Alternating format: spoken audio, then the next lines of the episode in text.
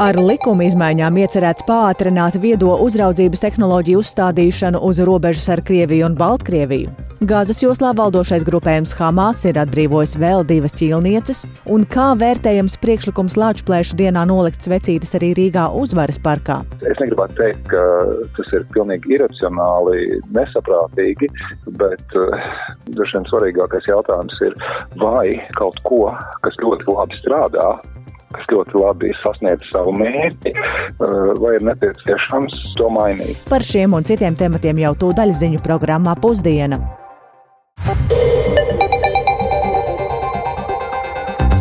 Pūkstens ir 16,5 minūtes, skan pēcpusdienas ziņu programma, skaidrojot šodienas svarīgus notikumus. Studijām tālāk Eipurs. Labdien! Un sākam ar ļoti svarīgu lēmumu visai Latvijas zvejniecības nozarei. Par jaunām nozvejas kvotām Baltijas jūrā pagājušajā naktī ir vienojušies Eiropas Savienības valstu pārstāvji. Latvijas zemkopības ministrija Saka, ka ir pamats būt gandarītiem, ka ir izdevies panākt mazāku nozvejas samazinājumu nekā iepriekš bija rosinājusi Eiropas komisija. Arī Eiropas Savienības vīdes komisārs Virginijs Sinkēvičs atzīst, ka lēmums par jaunām nozvejas kvotām bijis grūts, laikā, kad zivis Baltijas jūrā ietekmē ne tikai zvēja, bet arī bēdīgie ekoloģiskie faktori. Par visu plašāk mums jau tūdaļ ir gatavs pastāstīt mūsu Briseles korespondents Ārķoms Konohovs, ar viņu esam sazinājušies tiešraidē. Labdien, Aķom, kas tad ir nolemts par nozvejas kvotām Baltijas jūrā? Pēc tā, ko nu pat pieminēju, var secināt, ka tās ir samazinātas, bet ne tik daudz, kā iepriekš likts priekšā. Jā, labdien, tālu, labdien, klausītāji. Tik tiešām samazinājumi ir, bet viņi nav tik būtiski, kā to iepriekš bija rosinājusi Eiropas komisija. Samazinājumi šobrīd ir, kā ja mēs runājam par rietumu daļas mencu, tad tie ir 33% samazinājums. Ja runājam par austrumu daļas mencu, tad tur samazinājuma nav. Reņģa Baltijas jūrā samazinājums ir 43%, un pieņemsim salīdzinājumu ar sākotnēju Eiropas komisijas priekšlikumu, kur samazinājums tika piedāvāts par 60%, un Reņģa jūras līcī ir 17% samazinājums salīdzinājumā ar 20%, ko piedāvā Eiropas komisija, un arī runājam par brētliņu, tad te ir 10% samazinājums samazinājums salīdzinājumā ar sākotnējo priekšlikumu par 23% to samazināt. Un es vēl nepieminēju, ka rietumu daļas mēnesis, ar ko es sāku, tur samazinājums 33% pietiekami būtisks, bet sākotnēji Eiropas komisija rosināja to samazināt par 72%. Tad bija krietni būtiskākie šie samazinājumi paredzēti, un tie, protams, ir bijuši saistīti un ir arī projām saistīti ar to, ka gan liela nozveja ir Baltijas jūrā, gan arī vidas faktori tiešām ietekmē ja, zivju skaitu.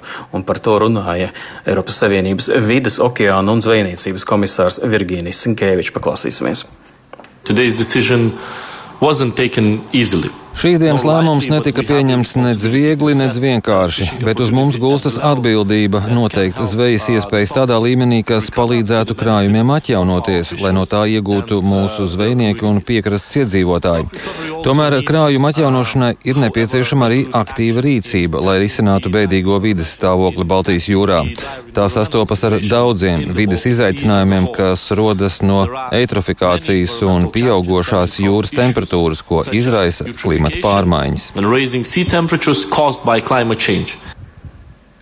Komisāra pieminētā eitrofikācija nozīmē, ka Baltijas jūrā arvien vairāk ieplūst eh, dažādi, dažādas paliekas no minerālu mēslojumiem ko, un pesticīdiem, ko zemnieki izmanto eh, savās eh, lauksaimniecības zemēs. Viņi vēlāk nokļūst pazemes ūdeņos, un tad jūrā, tad upēs, un vēlāk pēc tam arī jūrā, un tur vairo zilaļģes un daudz ko citu. Tā ir ļoti būtiska problēma tieši Baltijas jūrai, jo tā ir salīdzinoši slēgta jūra, un no viņas ūdens apmainās diezgan maz. Līdz ar to tieši šīs upes, pa kurām nonāk eh, dažādi minerālu mēslojumi, tas rada ļoti, ļoti nopietnas vidas problēmas. Un, eh, ja runājam par reakciju no vidas aktīvistiem, tad organizācija riskam pakļautās jūras, Seas at Risk, uzskata, ka samazinājumi ir nepietiekami un panāktais kompromiss esot pretrunā ar Eiropas Savienības likumiem, kā arī tas apdraud jau tā sliktā stāvoklī esošās ekosistēmas. Un, viņuprāt, īpaši apdraudēta ir Sīra Viļķe,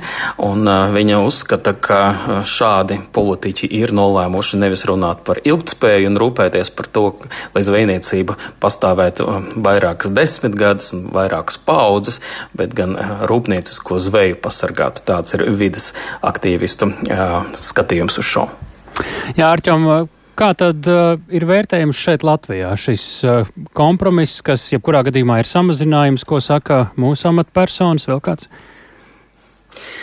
Zemkopības ministrs Armāns Krause, kurš piedalījās šajās sarunās, viņš ir no Zaļo zemnieku savienības, viņš ir intervijā man sacījis, ka ir gandarīts, ka Baltijas valstīm ir izdevies vienoties un panākt kopīgu nostāju, un tas, par ko Baltijas valstīm ir izdevies vienoties, tas faktiski arī ir vairāk vai mazāk tas kompromiss, kas tika pieņemts. Un, ja, interesanti, ka šādās situācijās daudzus gadus jau abas puses piesauc zinātnieku atzinumus. Gan Eiropas komisija runā par to, to, ka viņu visi piedāvājumi balstās uz jaunākajiem zinātnieku atzinumiem, gan arī Latvijas puse vienmēr saka, ka viņi balstās tikai un vienīgi uz zinātnieku atzinumiem un rūpējās par to, lai arī zvejniecība varētu turpināties gan Latvijā, gan arī Baltijas jūrā kopumā. Un, um, te es vaicāju tāpēc ministram, kādēļ uh, tad, tad atšķirās šie vērtējumi, lai arī abas puses saka, ka viņi balstās uz zinātnieku atzinumiem, un viņš atbildēja, ka uh, viņa prāt Eiropas komisija komisija ir mēģinājusi pielikt vēl drošībai, tā teikt, papildu samazinājumu, lai būtu noteikti skaidrs, ka zivis tiek pasargātas. Savukārt Baltijas valstu kompromiss ir tas, kam, kas tiešām atbilst tam, ko zinātnieki saka, jo arī Baltijas valstis nenoliedz, ka zivju krājumi samazinās un situācija ir pietiekami bēdīga Baltijas jūrā. Paklausīsimies! Bet tas lielākais, protams, un svarīgākais, kas mūsu zvejniekiem ir reņģe, gan Baltijas jūrā, gan Rīgas jūras līcē un brēkliņu. Un, ja runājam, piemēram, par brēkliņu, tad, tad komisija piedāvāja 23% samazinājumu, un mēs uh, savā rezultātā panācām 10%. Un, protams, ka Baltijas jūras valstīm ir svarīga šī ilgspēja, lai jūras resursi neizsīktu, un uh, šie visi ieteikumi, kas bija no zinātniekiem, viņi arī ņemt vērā, un kā jūs redzat arī mūsu apkopojumā, tātad samazinājumi ir, ja zinātnieki redz, kad ir resursi samazinājušies, bet viņi ir tādā robežā, kā iesaist zinātnieki. Jā, un no, šobrīd vēl ir atlicis tikai formālais šī lēmuma pieņemšanas uh, punkts, kas uh, notiks uh, tuvākajās nedēļās. Lielas paldies, Ārķom, par uh, svarīgajām ziņām no Briseles, Latvijas uh, un visas Eiropas zivsaimniecības nozarei. Mēs uh, šobrīd vēršam skatu uz Eiropas Savienības ārējo robežu. Viedās uzraudzības tehnoloģijas uz Latvijas robežas ar Baltkrieviju un Krieviju līdz 2026. gada vidum. Tāds ir plāns, ko šobrīd domāts veicināt ar uh, likuma izmaiņām, lai robežu sargātu ne tikai žogs. Vienlaikus konkrētāks ir arī plāns tieši par žogu izbūvi ar Baltkrieviju un arī Krieviju līdz nākamā gada beigām. Šodien šo jautājumu pātrinātai apstiprināšanai saimā virzīja aizsardzības iekšlietu un korupcijas novēršanas komisija, un par robežu aprīkošanu vairāk Jāņa Kīņša sagatavotajā ierakstā. Valdības deklarācijā viens no retajiem konkrēti izlasāmiem laika plāniem ir par aizsargu žogu uzbūvēšanu uz robežas ar Krieviju un Baltkrieviju līdz 2024. gada beigām. Taču vēl bez žoga un patruļas takām lielā apjomā nepieciešama arī papildu tehniskā infrastruktūra elektroapgādei, datu pārraidei, video novērošanai, signalizācijai. Lai šo aprīkojumu ieviestu pēc iespējas ātrāk, ar likuma izmaiņām plānots novērst dažādus birokrātiskus šķēršļus. To pātrināt, jo īpaši prasa izvērstais Baltkrievijas Baltkrievijas hibrīdkarš ar migrantu grupu virzīšanu uz valsts robežu. Plānotās likuma izmaiņas Saimas aizsardzības iekšlietu un korupcijas novēršanas komisijas sēdē raksturoja iekšlietu ministrijas valsts sekretāra vietniece Ingūna Aire. Likuma projekts paredz pienākumu saskaņot ar nekustamā īpašuma īpašnieku jauna energoapgādes objekta vai elektronisko sakaru tīkla un tā infrastruktūras nosacījums, aizstāt šo pienākumu saskaņot ar nekustamā īpašuma īpašnieka informēšanu. Ja ārējās robežas infrastruktūras, tā skaitā tehnoloģiskās infrastruktūras būvdarbu laikā būvniecības procesa dalībnieki vienojas par izmaiņām būvprojektā, tad ir tiesības neapturēt būvdarbus uh, uz šo izmaiņu izstrādes periodu. Bet uh, šis būvprojekta izmaiņu izstrāde un apstiprināšana ir jāpabeidz līdz būves nodošanai eksploatācijā. Žoga būvniecībai tātad paredzēts vēl nākamais gads, taču papildu tehniskā aprīkojuma ieviešanai vajadzēs vairāk laika, norādīja Latvijas valsts radio un televīzijas centra pārstāvis Jānis Rešņa. Uz Krievijas ir plānots izbūvēt šo te tehnoloģisko infrastruktūru līdz 26. gada vidumā. Tad vienā laikā jūs gribētu pabeigt gan Baltkrievijā. Jā, praktiski jā. Uzņēmums valsts nekustamie īpašumi atklāja, ka pašlaik uz robežas ar Krieviju ir izbūvēta 99 km žoga, bet vēl jāizbūvē ap 180 km. Ap 20 km žoga posmu izbūvē iesaistīsies arī Nacionālajie bruņotie spēki. To paredz likuma grozījumi. Savukārt robeža ar Baltkrieviju ir kopumā 173 km gara.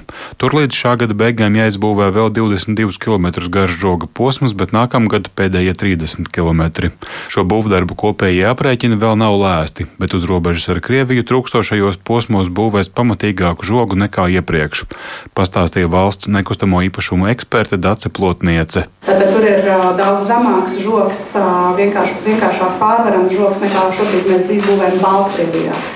Taču Krievijā šos iztrūkstošos posmus, kur šo žoks nav, mēs būvēsim pēc tādas pašas tehniskās specifikācijas, kā tā ir Baltkrievijā. Tas ir cinkots krāsots tērauda žoks, kopējais augstums 3,5 metri, plus dzeloņa stieples vījums. Plānotās likuma izmaiņas iekšlietu ministrija lūdzu saimu skatīt pātrinātā kārtībā. Paredzams, ka novembrī tās jau stāsies spēkā. Jānis Kincis, Latvijas Radio. Tikmēr Ukraina turpina cīņu par atgriešanos pie savas valsts robežām. Divi nogalināti, 20 ievainoti, tajā skaitā bērns. Tāda ir statistika par pēdējās diennakts laikā Krievijas uzbrukumos Ukrainā nogalinātajiem civiliedzīvotājiem. Bet par aktuālo situāciju šobrīd Ukrainā esam sazinājušies ar Latvijas radio korespondenti Indru Sprānci. Sveiki, Indra! Kāda ir jaunākā informācija par Krievijas uzbrukumiem Labdien, jā, Krievija, diemžēl, turpina savu iebrukumu Ukrainā un uzbruk ne tikai frontes līnijā, bet arī vēršas pret mierīgiem iedzīvotājiem un civilo infrastruktūru. Tā šonakt uh, Krievija uzbruka ar sešiem bezpilota droniem Šahed, kas notriekti virs uh, Hmeļņickas, Mikolājevas un Vinnicas apgabalu Ukrainas vidienē. Ukrainas pretgaisa aizsardzības vienībām visus dronus izdevās notriekt, un šajā procesā cilvēki nav cietuši, taču Krievija turpināja gaisa uzbrukums uh, pilsētām un ciemiem ar artilēriju un citiem ieročiem, un tā rezultātā Helsonas apgabalā aizvadītajā diennaktī nogalināt divi civiliedzīvotāji, bet 14 ievainot tajā skaitā 12 gadus vecs bērns. Uzbrukts arī vienam ciemam Harkivas apgabalā, tur ievainojot četrus civiliedzīvotājus. Vēl divi cietuši arī Donetskas apgabala Maksimivkā, un no, kopumā gaisa uzlidojumi notikuši daudzos frontē tuvāk esošajos apgabalos, tātad Harkivas, Luhanskas, Donetskas, Zaparīžas un Hersons apgabalos. Nu, spēcīgi uzbrukumi turpinājās arī Černīhivas un Sumu apgabalos. Jā, Indra, Kāda situācija šobrīd ir nevis ar Krievijas uzbrukumiem pa Ukraiņas civilajiem objektiem līdzīgi, bet tieši pašā frontē, kā tu teiktu? Es teiktu, ka, diemžēl, turpinās sīvas cīņas, un, kā ziņo Ukraiņas bruņoties spēki, pēdējās dienas laikā notikušas 55 sadursmes ar iebrucēju. Nu, skaitliski tas ir mazliet mazāk nekā citās dienās. Harkivas apgabalā Kupjānskas virzienā Ukraiņi pēdējās dienas laikā atvairījuši piecus uzbrukumus. Līdzīga situācija, nu, salīdzinoši nemainīga arī Limānas un Bahmutas virzienos. Bahmutas apkaimē uz dienvidiem no Bahmutas Ukraiņas bruņoties bruņotie spēki turpina uzbrukuma operācijas un nostiprina savas pozīcijas. Ukraiņu uzbrukums turpinās arī Melitopols virzienā, kur Ukraiņas karavīriem bijuši daļēji panākumi uz dienvidiem no Robotīnas ciema. Abdīvkas virzienā, kur Krievija pēdējā laikā koncentrējas savus spēkus, joprojām turpinās ļoti sīvas kaujas. Krievija mēģina aplenkt Abdīvku, taču Ukraiņu karavīri nekust no vietas, un Ukraiņu puse ziņo par milzīgiem Krievu karaspēku zaudējumiem šajā posmā. Tāpat Ukraiņas bruņoties spēki arī turpina savas aktivitātes Helsons apgabalā. veicot operācijas arī apgabala okupētajā daļā. Un jau pagājušā nedēļā ziņojām, ka Ukraiņu kar, vairākām Ukraiņu karavīru vienībām Hersons apgabalā ir izdevies pārcelties Ņipras upes kreisajā krastā, nu, ko joprojām kontrolē Krievijas armija un veikt tur operā, operācijas. Sīkāka informācija par to, kas tur tiek darīts un kā, kādas ir sekmes, diemžēl šobrīd nav pieejama, bet ir skaidrs, ka Ukraiņi ne uz brīdi nav apstājušies un notiek ļoti sīvas cīņas par katru okupēto Ukrainas zemes kvadrātmetru. Arī par Krīmu ko Krievija okupēja jau 2014. gada sākumā, un par šo Ukrainas teritoriju tās atgūšanu un ar, un ar to saistītajiem jautājumiem šodien ļoti daudz runāts ir um, Krīmas platformā. Tas ir tāds startautisks konsultāciju formāts ar mērķi panākt Krimas deokupāciju, un uh, šajā pasākumā attālināt ar uzrunu piedalījās arī Ukrainas prezidents Volodimirs Zelenskis, kurš šodien atzīmēja, ka Ukraina vēl nav panākusi pilnīgu uguns kontroli pār par okupēto Krimu, taču tas ir tikai laika jautājums. Paklausīsimies mazu fragmentiņu no Zelenska šodien sacītām.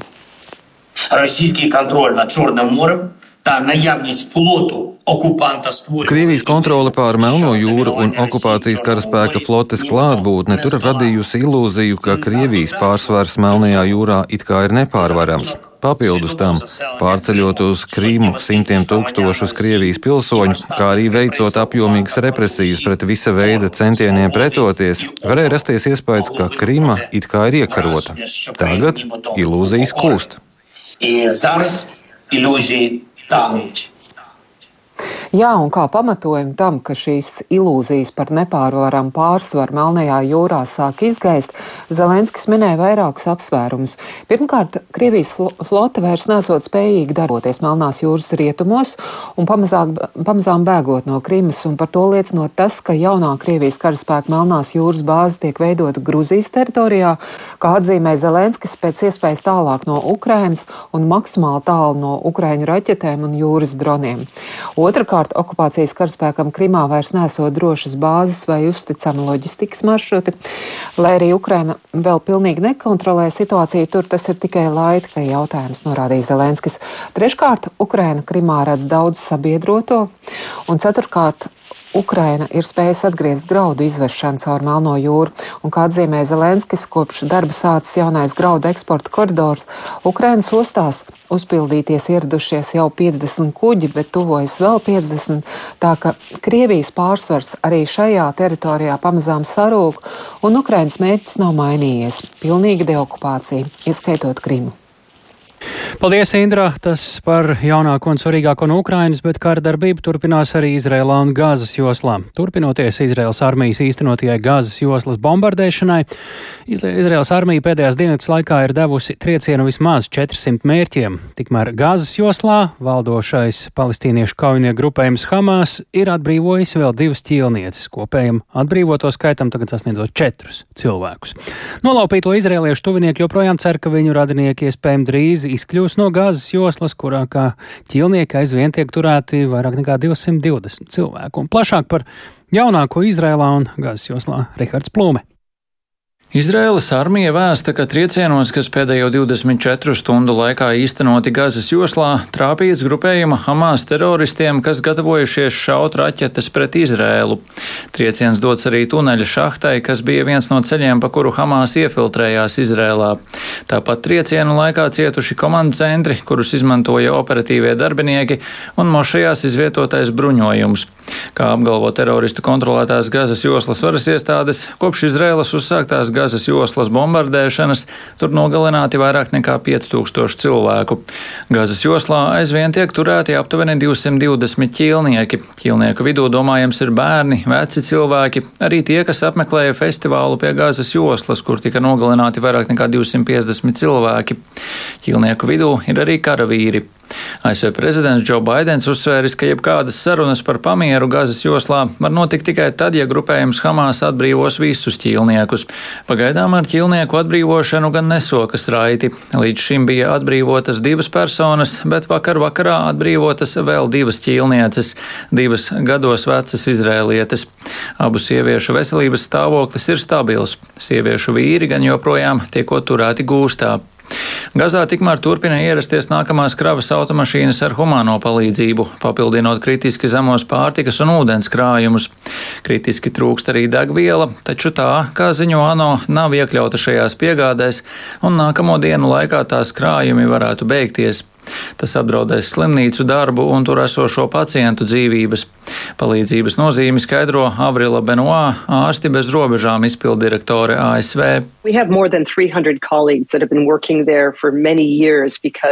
Mums ir vairāk nekā 300 kolēģu, kas tur strādā jau daudzus gadus, jo jau pirms šī visa veselības sistēmas un slimnīcu stāvoklis bija patiešām trūcīgs, un tāpēc viņi mums saka, ka ar to palīdzību, ko ir izdevies saņemt, ne tuvu nav pietiekami. Viņiem ir nepieciešams ūdens, viņiem ir vajadzīga pārtika un degviela, lai darbinātu ģeneratorus, kas palīdzēs darbināt slimnīcas aprīkojumu, kas ir dzīvības glābjošs, piemēram, inkubatori jaundzimušajiem, elpošanas aparāti, tāpat te jau viss, kas būtu nepieciešams, lai operācija tiktu veikta drošā veidā, kā arī lai attīrītu ūdeni. Tikmēr Izraēlas armijas gatavošanās operācijai Gazas joslā joprojām turpinās. Izraēlas premjers Benjamins Netanjahu un aizsardzības amatpersonas apgalvo, ka Izraēlas galvenais mērķis joprojām ir pilnīga Hamas iznīcināšana. Turpina aizsardzības ministrs Joavs Galants.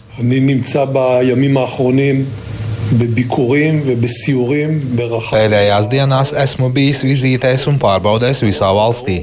Esmu ticies ar karavīriem ziemeļos un dienvidos, sauszemes spēkos, jūras spēkos un gaisa spēkos. Esmu ticies ar rezervistiem un iesauktajiem. Visi šie karavīri ir ļoti apņēmības pilni pildīt savas misijas. Viņi iziet rūpīgu un ilgstošu sagatavošanas procesu. Viņi ir gatavi savām misijām. Izrēlā šorīt ieradies Francijas prezidents Emmanuels Makrons. Paredzams, ka viņš paudīs solidaritāti Izrēlai, aicinās saudzēt civiliedzīvotājus Gazas joslā un aicinās vienoties par humāno pamieru. Izrēlu jau apmeklējuši arī ASV, Vācijas, Itālijas un Lielbritānijas līderi. Rihards Plūme, Latvijas radio. Ja ārzemju turisti vasarās priecājas par Latvijas baltajiem smilšu ceļiem, tad sākoties rudens lietavām un arī pavasara šķīdonī, tie var kļūt arī neizbraucami. Joprojām puse Latvijas autoceļu ir ar grants segumu, un no tiem vēl puses sliktā stāvoklī. Tā atzīst uzņēmumā Latvijas valsts ceļi. Pēdējos 25 gadus valsts autoceļiem pieejamais finansējums nav bijis pietiekams, tāpēc būvdarbi no, rit prioritārā secībā. Par vienu no šādām prioritātēm, bet tikai remontam, nevis būvdarbiem, gadiem nesen kļuva posmi Jaunjēlgava Vāle un Vāle Bārbele. Arī mēs saņemam ziņas par kritisku grāns ceļu stāvokli, piemēram, Lietuvas pierobežā. Kāda ir situācija tur un kopumā Latvijā klausāmies ievas puķes sižetā? No Rīgas caur vecumniekiem uz valli Lietuvas pierobežā var ērti aizripināt pa asfaltu, bet, lai no valles nokļūtu Jaunjēlgavā vai Bārbelē, kas ir taisnākais ceļš uz novada centru Bausku, jābrauc pa zemes ceļu. Tur sastopu pasnieci Sarmīti, kas pati dzīvo Bārbelē, un šajā reģionā izvadā pastu no tuvākās pasta nodaļas vecumniekos. Šis posms ir briesmīgs. Jā, un nu, Valle, Bārbele Nu, ļoti slikti. Es pat izteikt nevaru. Kad bija jābrauc ar privāto mašīnu, tas bija ļoti sāpīgi. Bija arī tāda situācija, kad pretī brauc mašīnas, neaprēķināju, kad ir ūdens un ka tur dziļa bedra un kā iesitu, tā man radiators atdalījās. Kad? Nesen? Nu, uz tā valsts ceļa. Pavasarī, laikam. Pastu vadājāt ar savu? Jā, bija tāds laiks, jā. Tas, kad braucu pa tiem neizbraucamiem dubļainiem ceļiem, man tāda sajūta, ka tie, kas sēž augšā kabinetos, viņi vispār pat nezina nemaz to situāciju. Viņi pat Es domāju, ar savām mašīnām viņi noteikti tur negrib braukt. Jau vairākus mēnešus Armītas rīcībā ir balta Latvijas pasta Toyota. Tā ir gan dubļu šķakatas sniedzas līdz pat durvju rokturim. Tādi ir pasnieku darba apstākļi daudz viet Latvijas reģionos. Jo 10 tūkstoši kilometru, jeb ja 51% Latvijas autoceļu ir ar grāns segumu. No tiem 5402 km, jeb ja 53% ir sliktā stāvoklī, informēja uzņēmums Latvijas valsts ceļi. Grants ceļa posms Bauska Valla Jaunjelgava, daļa valsts reģionālā autoceļa P87 aizkraukle Bauska pēc rudens lietavām ir kritiskā stāvoklī. Tam uzmanību pagājušās nedēļas vidū vērsa laikraksts Bauskas dzīve. Tā apsaimniekotāja pēc publikācijas gan veica tā dēvēto planēšanu, jeb bedru izlīdzināšanu, taču pasniedzis Sarmīt uzskata, ka tas ir tikai īslaicīgs risinājums kārtējās lietavas un ceļš atkal var kļūt neizbraucams. To pašu saka arī uzņēmuma Nordeka Bauskas filiāls vadītājs Inns Nolbergs. Valles puses ceļu sliktā kvalitāte zemgāles reģionā nesot nekas unikāls. Nu, ir vairums tādu ceļu, nav jau tā, ka tur, teiksim, viens vai divi, nu tagad, teiksim, skaistkalns ceļš ir sakārtots, kas ir daudz maz uzlikt ar to asfaltu, viņš čor bija drausmīgs, ja. Tās bedres jau ir tādas, nu labi, atbraucams jau viņas viss ir, ja, bet piemēram, es pats ar savu mašīnu pa šiem ceļiem lauku necenšos braukt. Kaut gan autobus tur iet, jā, un ja jūs sakat, viņš ir izbraucams, nu, es neuzskatu, ka tas ceļš būtu, godīgi teikt, vai labs, jā. Slikti ceļi rudens un pavasara periodā ir realitāte daudz viet Latvijā. Protams, tas ir viens no lauku iztukšošanās blakus apstākļiem. Valles pagasta iedzīvotāja Inga Dilēviča, ko trīs km no Valles uz Bārbēles ceļa sastopu staigājam ar diviem bērniem un mazuli ratiņos, par ceļa labošanu esot cīnījusies gadiem. Bērni mācās Valles pamatskolā, vadu bērnus. Jūs rakstījāt iesniegumu Latvijas valsts ceļiem pati? Esmu rakstījusi vairāk kārt, jā, un viņu atbilde ir vienkārši, kad viņi uztur atbilstoši ceļu stāvoklim, atbilstošiem, un ka nav galvenais, bet ir P, nav A, bet P. Un tad viņi uztur viņu kā, kā viņi uzskata, kā vajag. Bet tas, ka iedzīvotāji pa viņu nevar pārvietoties normāli, tas nevienu neuztrauc. Ir ļoti, ļoti daudz lietus, un vēl parasti pavasaros, kad sāls ceļš vaļā, tad mašīna tur vienkārši paliek. Iesniegumus rakstījusi arī Iveta Radziņa, Bauskas novada pašvaldības vecumnieku apvienības pārvaldes valles nodaļas vadītāja. Pēdējo vēl šī gada janvārī, lūdzot nodrošināt regulāru autoceļa P87 ikdienas uzturēšanu un arī rekonstrukciju. Atbildes vēstulē no Latvijas valsts ceļiem rakstīts, ka 10 km posmā no Bārbēles līdz Vallē Grāns segas pārbūve paredzēts uzsākt 2023. gadā. Nekas par to gan neliecina. Latvijas valsts ceļi Latvijas radio atbildēja, ka pēdējos 25 gados valsts autoceļiem pieejamais finansējums nav bijis pietiekams, tāpēc būvdarbi tiekot veikti prioritārā secībā. Biedrības Latvijas ceļu būvētājs valdes priekšsēdētājs bijušais premjerministrs Andris Bērziņš skaidro, ka nesot tā, ka valsts būtu atstājusi grāns ceļus pilnīgā pašplūsmā. Īstenībā jau tie, kas uztur šos ceļus, visus Latvijas ceļus, viņi uh, iztērē gadā apmēram tikpat daudz naudas, cik valsts investē, nu, veicot dažādas ceļu pārbūves un, un, un uzlabojumus un jaunu ceļu būvi. Faktiski no tās pašas valsts autoceļu programmas ir divu veidu finansējums. Viens finansējums, kur 58 miljonus katru gadu atdod pašvaldībām, lai pašvaldības sakārtotu savā īpašumā esošos ceļus. Un tad otra lieta, vēl viens 64 miljonus katru gadu, tie, katru gadu valsts atdod autoceļu uzturēšanai, lielajam uzņēmumam, valsts uzņēmumam, autoceļu uzturētājiem. Latvijā ar grāns segumu lielākā daļa esot pašvaldību ceļi, par ko jārūpējas pašām vietvarām, uzsver Andris Bērziņš. Bet valsts autoceļu uzturētāji tikmēr e-pastā Latvijas radio pēc Lietuvām sola veikt segumu planēšanu visos savā pāraudzībā esošajos ceļos, jau puķa Latvijas radio.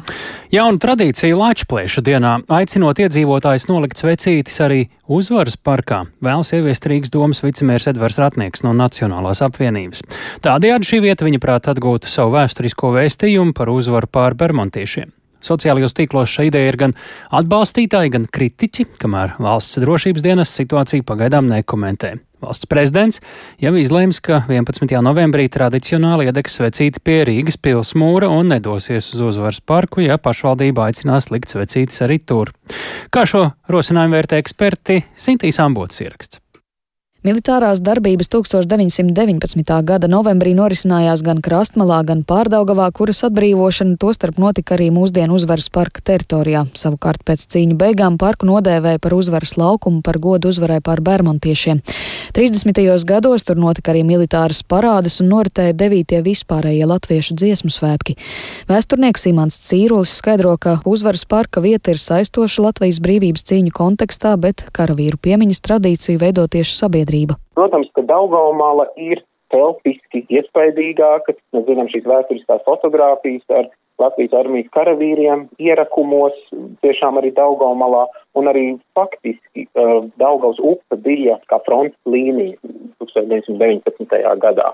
Nu, arī, arī tā tradīcija ir pietiekami jau ilgi iesakņojusies, jau vismaz 35 gadi uh, ir pagājuši kopš uh, nu, pirmās vecīšu aizdedzināšanas Daugaumalā, bet par uzvaras parku domājot, teorētiski nu, no neatkarības kara faktu viedokļa tas būtu pamatoti. Nu, manuprāt, tam tomēr būtu jāiet roku rokā ar nu, diezgan plašu skaidrojošo darbu, roku rokā Rīgas pašvaldībai sadarbojoties nu, ar, ar, ar sabiedrību. Latvijas Universitātes profesors sociālajā psiholoģijā Ivars Austers vērtē, ka svecīšu likšanas tradīcija Latvijas brīvības cīņā skritušo varoņu piemiņai 11. novembrī tieši krastmalā pie Rīgas pils smūra daudziem ir automātisks rituāls, lai arī uzvaras parka izvēlē ir zināma loģika, tomēr īsti nav saprotams pamatojums šim rosinājumam par jaunu tradīciju. Es negribētu teikt, ka tas ir pilnīgi iracionāli, nesaprātīgi, bet uh, droši vien svarīgākais jautājums ir, vai kaut ko, kas ļoti labi strādā, kas ļoti labi sasniedz savu mērķi, uh, vai ir nepieciešams to mainīt. Mana atbilde droši vien īsā būtu, nu, vai tas ir to vērt, vai to enerģiju nav liederīgāk ieguldīt kaut kur citur, kaut kādā citā jomā jautājums rodas, vai gadījumā tas nav vienkārši saistīts ar vēlēšanos iezīmēt savu vārdu. Nu, tādā tradīcijas nozīmē, mēs to sākām, jā, mūsu laikā, tad, kad mēs tur šīs lietas kūrējām, tas sākās, jā, nu, tāds, tāds jautājums var rasties. Latvijas kara muzeja vēsturnieks Juris Ciganovs saka, ka 1919. gada notikumu pieminēšanai gadu norit daudz viet Latvijā un arī iespēja to darīt uzvaras parka teritorijā nav nosodāma, bet vienlaikus jānorobežojas no iespējamām provokācijām. Protams, ir mūsu sabiedrībā iegājies un tā fundamentāli iegājies tas, ka svecītas Rīgā tiek liktas krasnolā, tāpēc, ka tā ir diezgan loģiska vieta, tā ir vieta, kurā notika kaujas. Un skaidrs ir tas, ka tādā uzvaras parkā, kamēr tur atradās padomu okupēklis, nekas tam līdzīgs vienkārši nebija iedomājams. Ja.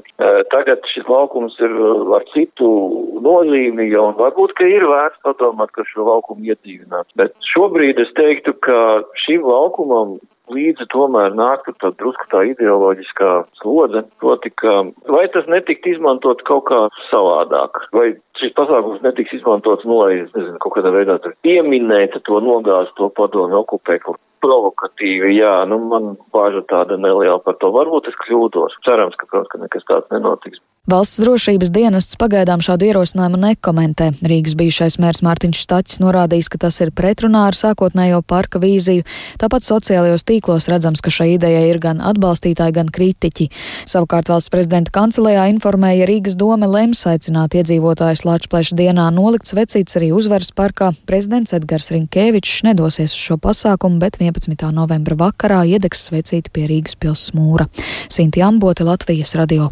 11 novembra varoņu piemiņas dienas notikumus varam uzskatīt par vienu lielu Latvijas mēroga pasākumu, tā skaitā galvaspilsētā pie mūsu klausos Latvijas pasākumu producentu asociācijas valdes priekšsērētājs Guntis Ērglis Lācis. Labdien!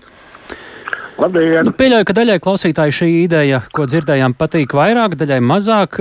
Nu, ko tad, ja ir pietiekami daudz cilvēku, kuri atsauc šim aicinājumam, kas no tā varētu iznākt, jūsuprāt?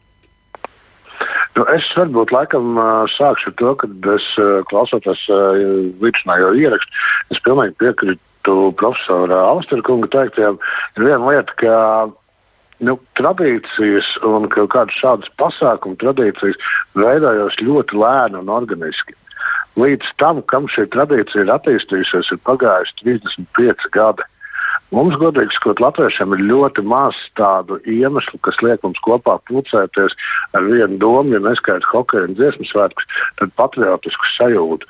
Tad šobrīd, lai šo tradīciju, kas tik labi un veiksmīgi turpina attīstīties, mēģinātu kaut kā transformēt, būtu jābūt ļoti, ļoti nopietniem iemesliem.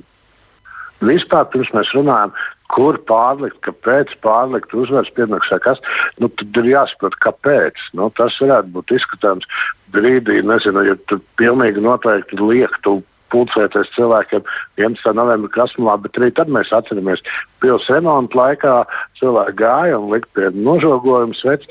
Tikai man liekas, ka šis jautājums ir jāsadala divās daļās. Viens, kāpēc? Un vispirms atbildam uz to jautājumu. Sakot par to, kas ir uzvaras piemineklis, uzvaras laukums. Nu, es laikam esmu tajā frontē cilvēks, kas uzskata, ka šajā vietā ir jāļauj emocionāli atpūsties. Ir viņai jābūt kā ģimeņu sporta vietai, nezinu, ģimeņu kopīgām izklaidēm, runāt ar aģentskām biedrību, tur rīkot pasākumus un vēl kaut ko. Bet noteikti ne šādas politiskas lietas. Tā vietai būtu jāatpūšas. Man liekas, pirmais ir saprast, kāpēc jūs gribat darīt kaut ko ar tradīciju, kas šobrīd lieliski notiek attīstās, vai tā ir jūsu neapdomāta rīcība, vai tas ir nu, kaut kas vairāk. Nu, tas ir tieši tik vienkārši. Lielas paldies par jūsu ekspertīzi. Latvijas pasākumu producentu asociācijas valdes priekšsarētājs Guntis Ērglis Lācis pie Latvijas radio raidījuma pēcpusdienu klausulas, bet mēs par vēl kādu tematu pēc 11. novembra svecīšu stāsta. Proti, rezultatīvākais hokejists Latvijas izlasē aizvadītajā pasaules čempionātā Rihards Bukārts šodien beidzot parakstījis līgumu šai sezonai. Viņš pievienojies Šveices klubam no Bīles. Bukārts bija pēdējais no bronzas izlases, kuram šodien vēl nebija darba. Kāds līgums ir parakstīts, kāda varētu būt Bukārta loma komandā, to tūdaļ plašāk tiešraidē mums ir gatavs eh, izstāstīt kolēģis Mārtiņš Kļavinieks. Sveiks, Mārtiņ, kāpēc Latvijas izlases Pasaules čempionāta rezultatīvākais spēlētājs tik ilgi bija bez darba, ka nu, to jau Ziemassvētki savā ziņā tiešām nebija piedāvājumi vai arī nebija pieņemami piedāvājumi. Sveiks, tāls sveicināti Latvijas radio klausītāji. Otrs tavs minējums pilnīgi precīzs, atbilstošu piedāvājumu nebija. Skaidrs, ka piedāvājumu Rihardam Bukartam bija, bet ne, neatnāca līdz šim tas īstais, ko viņš gaidīja. Viņš arī iepriekš intervijā Latvijas televīzijai aptuveni pirms mēneša man šķiet sacīja, ka gaida konkrētus piedāvājumus no konkrētām līgām, un ja tie nebūs no tām līgām līdz kaut kādam konkrētam brīdim, tad viņš mm, gaidīs, līdz kāds tomēr cerams, ka atnāks. Redz, kā atnāca. Tā tad, acīm redzot, viena no tiem piedāvājumiem, viņš gaidīja arī piedāvājums no Šveices līgas iespējams. Es minētu, ka otrs variants bija um, viņa iespējamā karjeras turpināšana Zviedrijas līgā, ko viņš arī gaidīja. Bet, uh, jā, nu, kāpēc tik ilgi bez darba? Tieši tāpēc arī tik ilgi, ka gaidīja to īsto piedāvājumu. Mm. Tagad sagaidīja un vairāk par to arī no malas vērtējot, kāpēc tā tik ilgi un vai tiešām bija vērts gaidīt. Latvijas radio pastāstīja pieredzējušais hokeja žurnālists Jānis Matuls. Rihardam jau ir pieredze. Viņš jau, man liekas, ka pagājušajā gadā ap šo pašu laiku tikai dabūja klubu. Laba līga, kas Rihardam ir ļoti laba, laba komanda, faktiski ideāla. Nu, un es domāju, ka arī naudas ziņā viņš faktiski būs šo to ietaupījis divus mēnešus nespēlējot. Es domāju, ka viņam būs lielāka nauda, protams, nekā pagājušajā gadā bija Austrijā vai ka viņam šis varētu būt treknākais līgums. Bieži vien ir tā, ka tu vari arī spēlēt kā ģēnijs un uh, vie, līgumi ir priekšā spēcīgāki, bet, nu, pozitīvi noteikti ir tas, ka um, kluba treneris ir Rihards pagājušajā gadā trenējis un ļoti labi zina, ko viņš var un kas viņš ir. Un, un mēs jau arī redzējām pasaules čempionātā, nu, kas ir Rihards. Tālāk, jā, Jānis Matulis, jāpiebilst, ka šis treneris ir Somas Petrī Matikainens, kurš tātad pagājušajā sezonā trenēja Austrijā klubu, kurā arī spēlēja Rihards Bukārts. Tāli. Jā, Mārtiņ, nu, man samulst tagad, mēs runājam par lielāku, traknāku līgumu, beidzot Šveicē, beidzot līgums ir. Bet tikai līdz janvārim. Paskaidro man šo, tas, ko nozīmē. Pēc tam atkal jāmeklē darbs Rihardam Bukartam.